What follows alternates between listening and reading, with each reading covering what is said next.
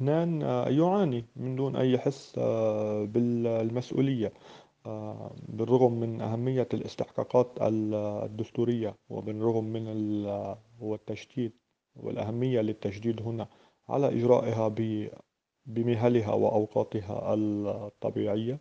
إنما الجدير بالتركيز عليه ليس فقط سكرة هذه الاستحقاقات.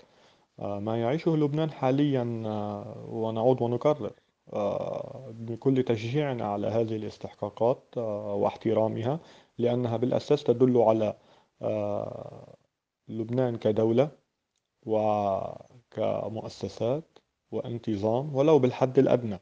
إنما المطلوب هنا ليس أن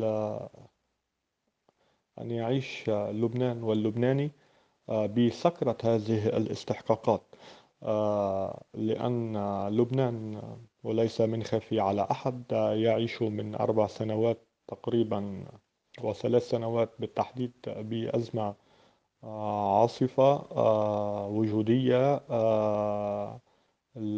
ليس لها مثيل ولا شبيه وإلى الآن ليس هناك من أدنى مكافحة ولا أدنى حل جذري للموضوع وكل ما نشاهده ونلمسه ليس سوى أمور عرضية لقرارات لاتفاقيات لعناوين لفقاعات لا تثمر ولا تغني ولا تحل بالموضوع. لذلك الموضوع الأساسي كيفية حل هذه المعضلة وكيفية انتشال البلد من هذا المأزق وأوتون الخراب الذي وقع به أم أو الوحل ال وحل تشرذمي بكل معنى الكلمة. ما هو قادم عليه لبنان يتلخص ضمن ثلاث أما أربع عناوين أساسها هو التفكير بإشكالية أن بلورة الحل و استنهاض البلد ليست بأطر دستورية إلى الآن. يعني لبنان بالرغم من الأمور التي يعيشها لا يحفز على الأطر الدستورية والحل لا يأتي أبدا إلى الآن على الأقل بالأطر الدستورية. هو دائما ينتظر التسويات هو دائما ينتصر ينتظر الإشارات لذلك من بعد انتهاء الاستحقاقات والوعي من السكرة الدستورية لهذه الاستحقاقات سوف يكون البلد مستيقظا على المشاكل الأساسية وهي المشاكل اليومية التي يعاني منها اللبناني بكرامته وبضمان أمنه الأمن الغذائي الأمن الصحي الأمن حتى الأمن على وجوده. آه، لدينا مشكلة العملة الوطنية والتي آه، تعاني وتعاني أكثر من الانهيار. آه، هنالك موضوع تعدد أسعار الصرف للدولار. هناك الموضوع الأساسي من بعد الاستحقاق الدستوري الأول وهو الخطوات المتراتبة آه، والتي يجب على الكوادر اللبنانية التي سوف تفرز لاحقا أن تعمل بجد ومسؤولية لاستغلال الوقت وعدم التعامل بطرف مع الموضوع. آه، لأن البلد لم يعد يتحمل آه، يعني وهناك ملفات كبرى مطروحة وموجودة. على الأقل عندك ملف آه، ترسيم الحدود آه، عندك ملف الثروة النفطية والغاز وضرورة تسريع للاستفادة منها والعمل للذهاب في المستقبل لاتفاق مع شركات التنقيب والاستخراج.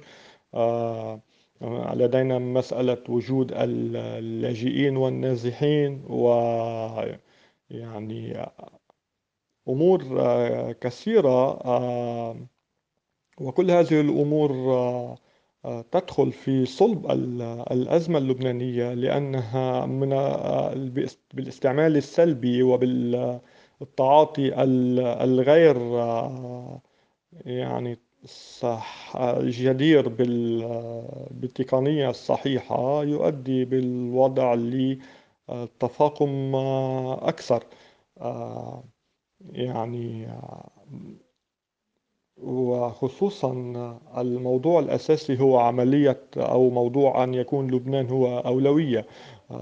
بخضم آه، عالم مليء بالزوابع وبالأزمات آه، الكبرى وعلى رأسها الحرب الأوكرانية. عندك أزمة الاقتصادية عندك أزمة الكورونا وما تلتها من أزمات سلاسل التوريث تضخمات بالعملات العالمية وما تأثيرها على الاقتصاد اللبناني الاقتصاد المنهار أساسا والذي يعاني أساسا والذي سوف يتأثر حكما بهذه الأمور. لذلك الموضوع ليس أن نعيش سكرة الاستحقاقات وأشدد عليها بماديتها. هو هي هي هي هي هي صحيحة جدا وعلينا أن نعيشها بماديتها لأن هذا حق وهذا واجب. آه، ولكن علينا أن نعي جيدا أن المرحلة القادمة هي مرحلة صعبة. آه، علينا عليها أن على على القائمين أن يتعاملوا معها بكل جدية وبكل رقي سياسي وقانوني ودستوري ومؤسساتي على الأقل. آه، لكي لا ندخل أكثر ب بالمكروه يعني يعني نحن للأسف نتكلم بواقعية والواقعية تستدعي بنا الأمر أن نقول أننا داخلين على مرحلة لا يقينية. ليس هنالك يقين لأي أمر حقيقي في لبنان. اضطرابية الصورة ضبابية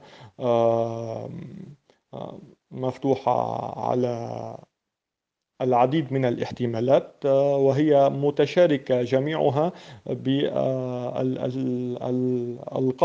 آه، من هذه الحالة آه، وإنما التجديد هنا حول هل أن هل يكون للأطر الدستورية أي سبيل للحل في لبنان؟